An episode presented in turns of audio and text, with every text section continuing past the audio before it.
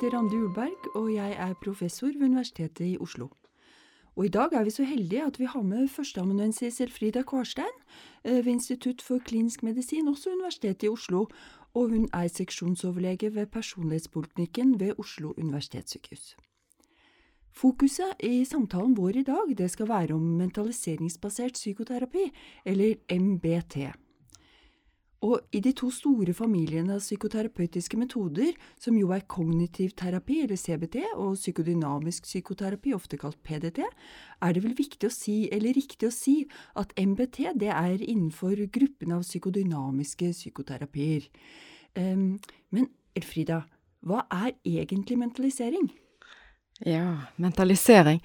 Det er jo ikke et uttrykk som skal begrenses til mentaliseringsbasert terapi. Det er noe vi gjør hele tiden, hver dag. Når vi, du og jeg snakker sammen nå, så sitter jeg og så umiddelbart lurer litt på hm, ja, hva skal tro hva eh, eh, Randi kommer til å spørre meg om nå, eller hva mener hun med det spørsmålet, eller eh, kanskje jeg sitter og kjenner på meg selv at hm, ja, dette var jo litt spennende, litt eh, får jeg til å si ting på rett måte, videre. Alt det der er det at jeg sitter og tenker rundt eh, følelsesmessige tilstander, eller fortolker en annens uttrykk, det er å mentalisere. Altså det at jeg lager meg en tanke eller en teori rundt eh, andre mennesker, Eh, og at jeg også har en, en tanke om min egen eh, hva skal vi si, mentale situasjon, mine følelser og mine intensjoner og mine Ja. Ja, så det å faktisk forestille seg hva et annet menneske tenker, og den indre verden til et annet menneske. Ja, tenker og mm. føler, og, og det er på en måte eh, at jeg gjør meg et slags bilde av, av, din mentale tilstand, og at jeg også har et slags bilde av min egen. En forståelse av min egen mentale tilstand. Ja. Fortolkning av andre mennesker, fortolkning av seg selv. Ja. Mm. Så det, er, det du sier, det er at det er noe vi bruker hele tiden? Ja, det er det. Det er kanskje noe av det som gjør at vi, er, at vi klarer å fungere sosialt. At vi klarer å fungere i en gruppesammenheng, at vi klarer å, å tilpasse oss hverandre. Eh, at vi kommer med godt inntonede responser til hverandre, at vi ikke fornærmer hverandre. Eh, at vi eh, klarer godt samarbeid, at vi er smidige og fleksible. Alt det handler om mentalisering. Vanskeligste sted å mentalisere, det er i de, overfor de aller, aller nærmeste. For da blir vi mer nakne og mer følelsesstyrt. Og når, når, Generelt er det jo litt sånn at når sterke følelser aktiveres, når det er liksom krise, Eh, så eh, snevrer vi vår eh, oppmerksomhet, og da mentaliserer vi litt dårligere. Da, da ser vi ikke så mange nyanser og klarer ikke tenke like klart. Nei, så det kan rett og slett være sånn at jeg av og til mentaliserer godt om andre mennesker, og av og til dårligere? Ja, og om deg selv også. Ja, og om meg selv også. Så når man er skråsikker, da er det egentlig litt fare på ferde.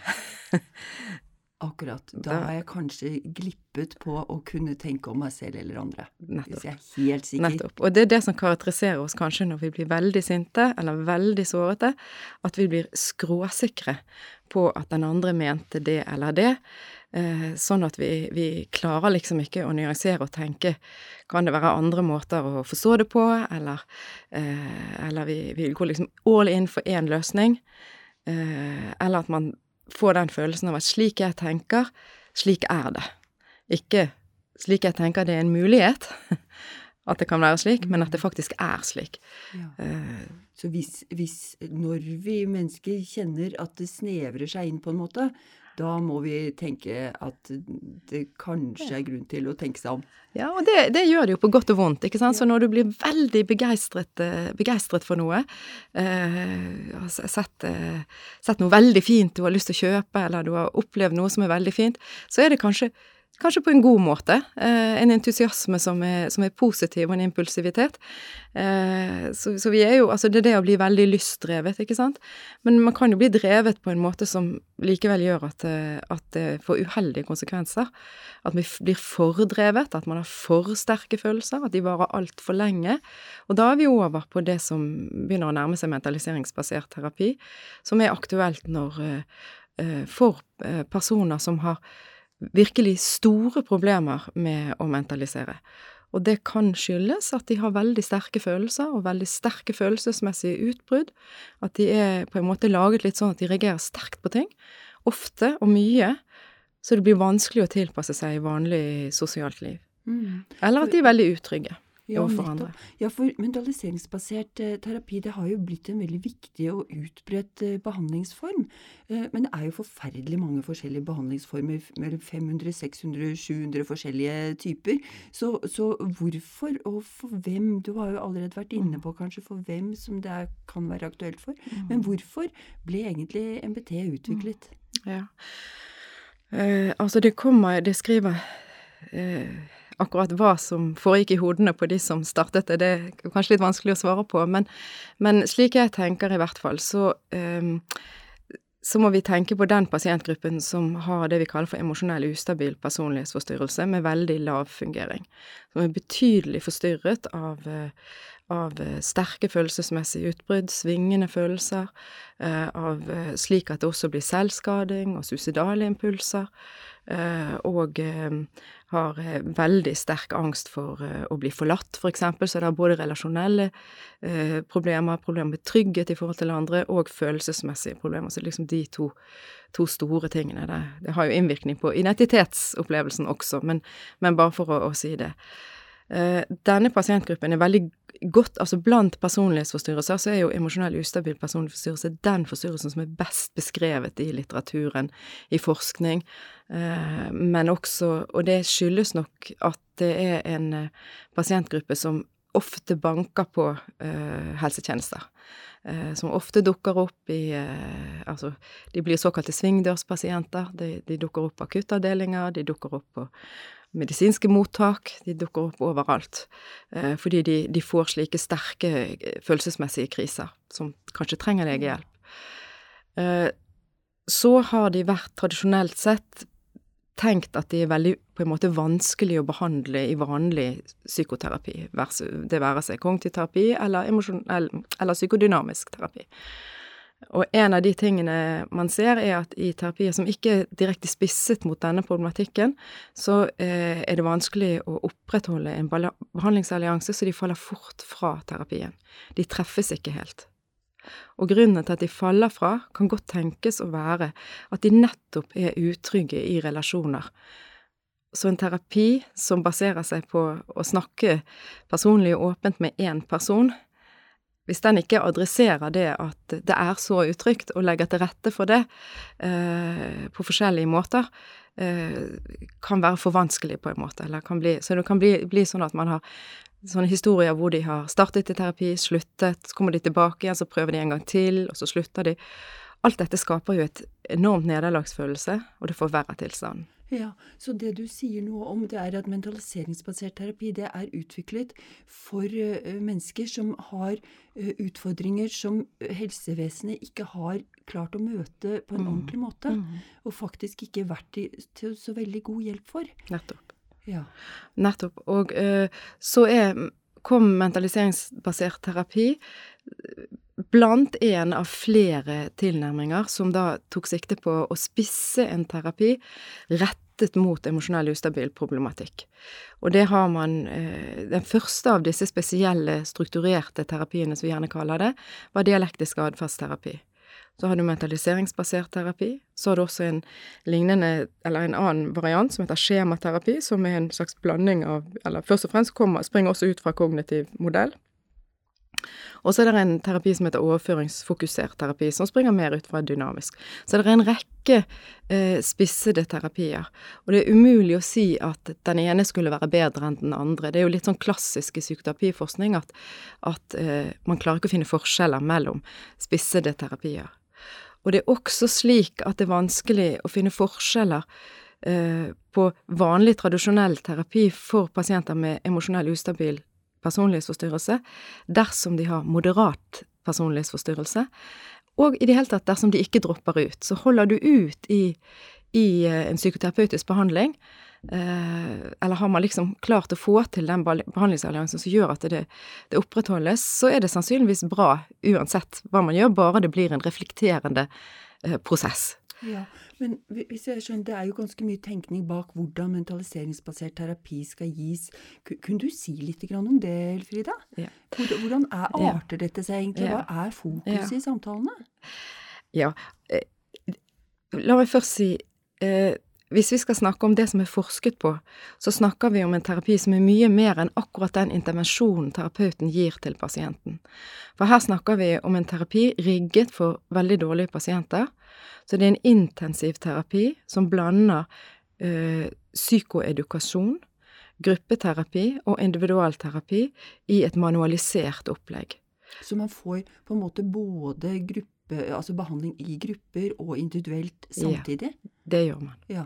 Mm. Og det er et, et, viktig element, fordi man tenker seg at det kan være vanskelig å ha I hvert fall hvis du skal samle alle pasienter med lik problemstilling i én gruppe, eh, så eh, kan det bli eh, et ganske sterkt følelsesmessig klima i den gruppen som kanskje ikke sikkert er terapeutisk.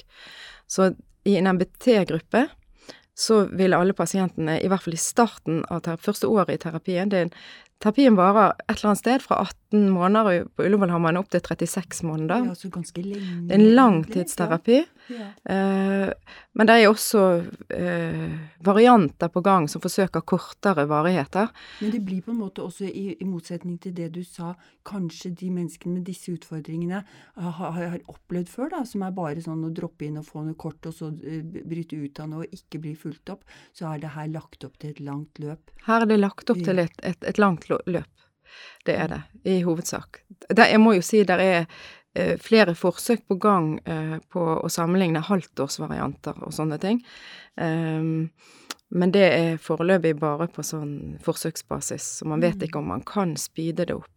Men det som er karakteristisk i den terapien, er at man bruker f.eks. en god del pedagogiske intervensjoner. Altså, da mener jeg rett og slett opplæring. At pasientene går i en gruppe, et slags kurs, og man snakker om hva er mentalisering, uh, man snakker om tilknytning, og det er en undervisning som er veldig praktisk rettet og veldig interaktiv, så de får øvelser, de får hjemmeoppgaver, det er rollespill, det er alle mulige pedagogiske elementer. Nå når vi etter hvert prøver også litt mer digital verden, så vil det også være filmer og, og en del sånne uh, visuelle pedagogiske grep man gjør.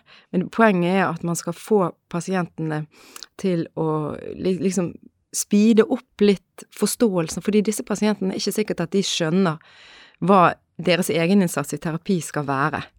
Så de trenger å forstå litt mer. Ja, Så det blir en forklaring, veldig, ja. altså en klargjøring av hva ja. behandlingen egentlig skal gå ut på, og hva målet med den er, da? Ja, det blir litt av det, men først og fremst en, en undervisning om, um, om uh, vanlige problemer ved emosjonell ustabil personlighetsforstyrrelse, og en dialog rundt er, hvor er du i dette feltet her?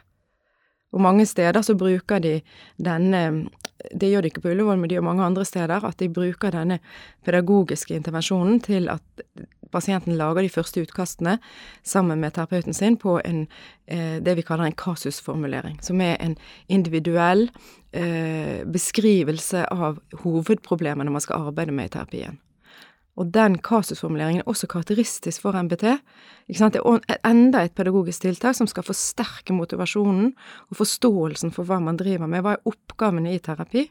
Og det gjør man sammen med sin egen individualterapeut, da. Og i denne gruppen noen ganger. Og i gruppen også. I gruppen kan man starte den prosessen, men den, den, det er en prosess man har med individualterapeuten sin, mm. og det er også en prosess som revideres jevnlig under terapien. For kasusformulering må jo endres, fordi det er jo veldig viktig. Disse pasientene forandrer seg.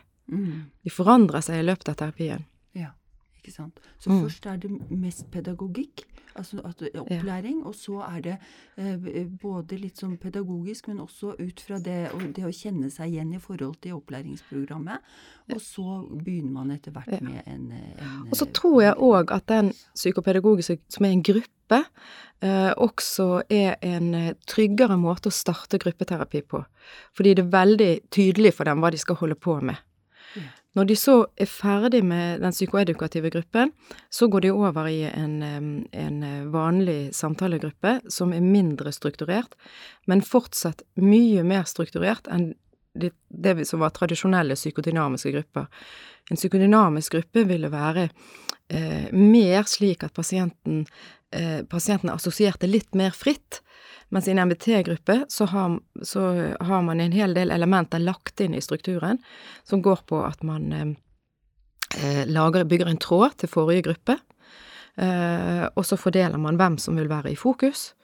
Og så har de en instruksjon om at de i gruppen eh, de, Den som er i fokus, skal legge fram en episode, en hendelse, en situasjon med mentaliseringssvikt, og det har man jo da lært hva er for noe, altså situasjoner det er for denne, karakteristisk for denne personen.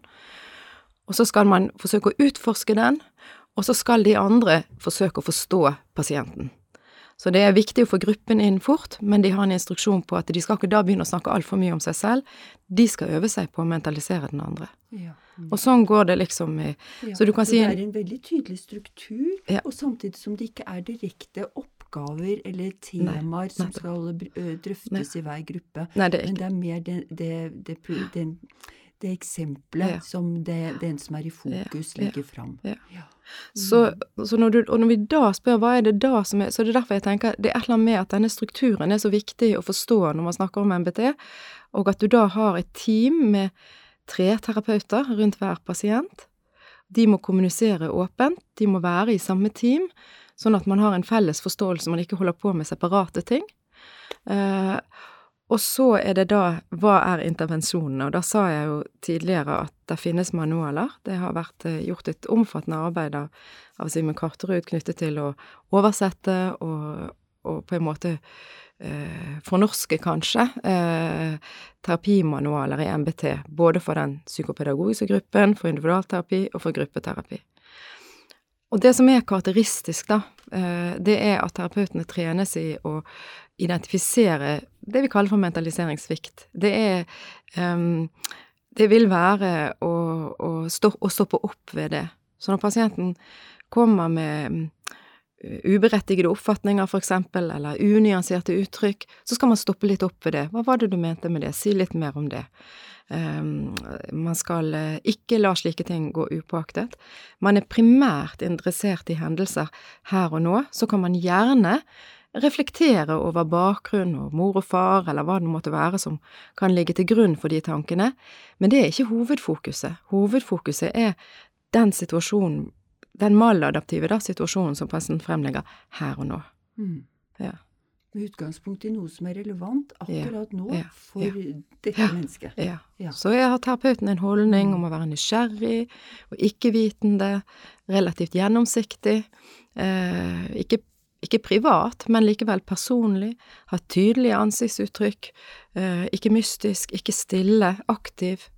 Eh, dette fordi at vi vet at disse pasientene er veldig sensitive og tolkende i forhold til andres uh, uttrykk, da. Ja, så det kan bli ganske nesten skremmende ja. hvis, hvis ja. terapeuten hadde ja. ikke vært tydelig og snakket og vært men, men, så må jeg jo nesten fortelle noe som jeg syns var litt artig, fordi dette har jo etter hvert blitt eh, en eh, terapimetode som mange terapeuter har lært noe om.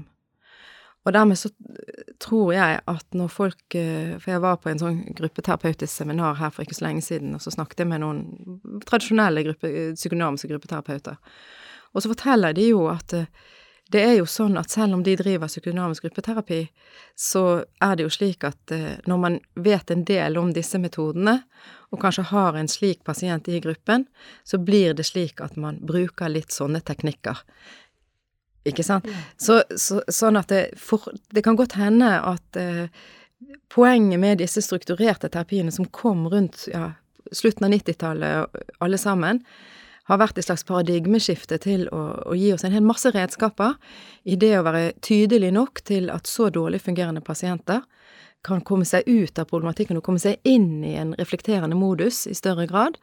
Eh, at det eh, det på en måte befrukter veldig mange andre terapier. Ja, sånn ja. For eksempel så vil vel kanskje mange psykodynamiske psykoterapeuter, både da i gruppe, som du ja. sier, og også individualbasert eh, terapi, benytte en del mentaliseringsbasert teknikker ja, det tror jeg. i sine terapier. For det er ingenting Det er ikke noe i det som, eh, som er MBT sitt mål, som vil være noe problem for en eh, psykoanalytisk terapeut dersom pasienten ikke helt klarer å reflektere, for å si det sånn. For målet i kan si målet i MBT er å skape en reflekterende samtale. Eh, og hjelpe pasienten til å ta det med seg ut i hverdagslivet og reflektere mer ja, over ting. Og lage en reflekterende samtale som er nyttig i hverdagen. Ja, og som ikke er over hodet på pasienten, men som er der pasienten er. Ja. Jordnær og hjelpsom. Ja. ja. Men det syns jeg var egentlig en veldig fin avslutning på vår samtale nå, Elfrida. Og da vil jeg eh, si tusen takk til deg for at du kom her i dag og klargjorde dette for oss. Eh, og så vil jeg si takk til Morten Skoglund ved Seksjon for medisinsk informatikk ved Universitetet i Oslo eh, for at han holder styr på teknikken.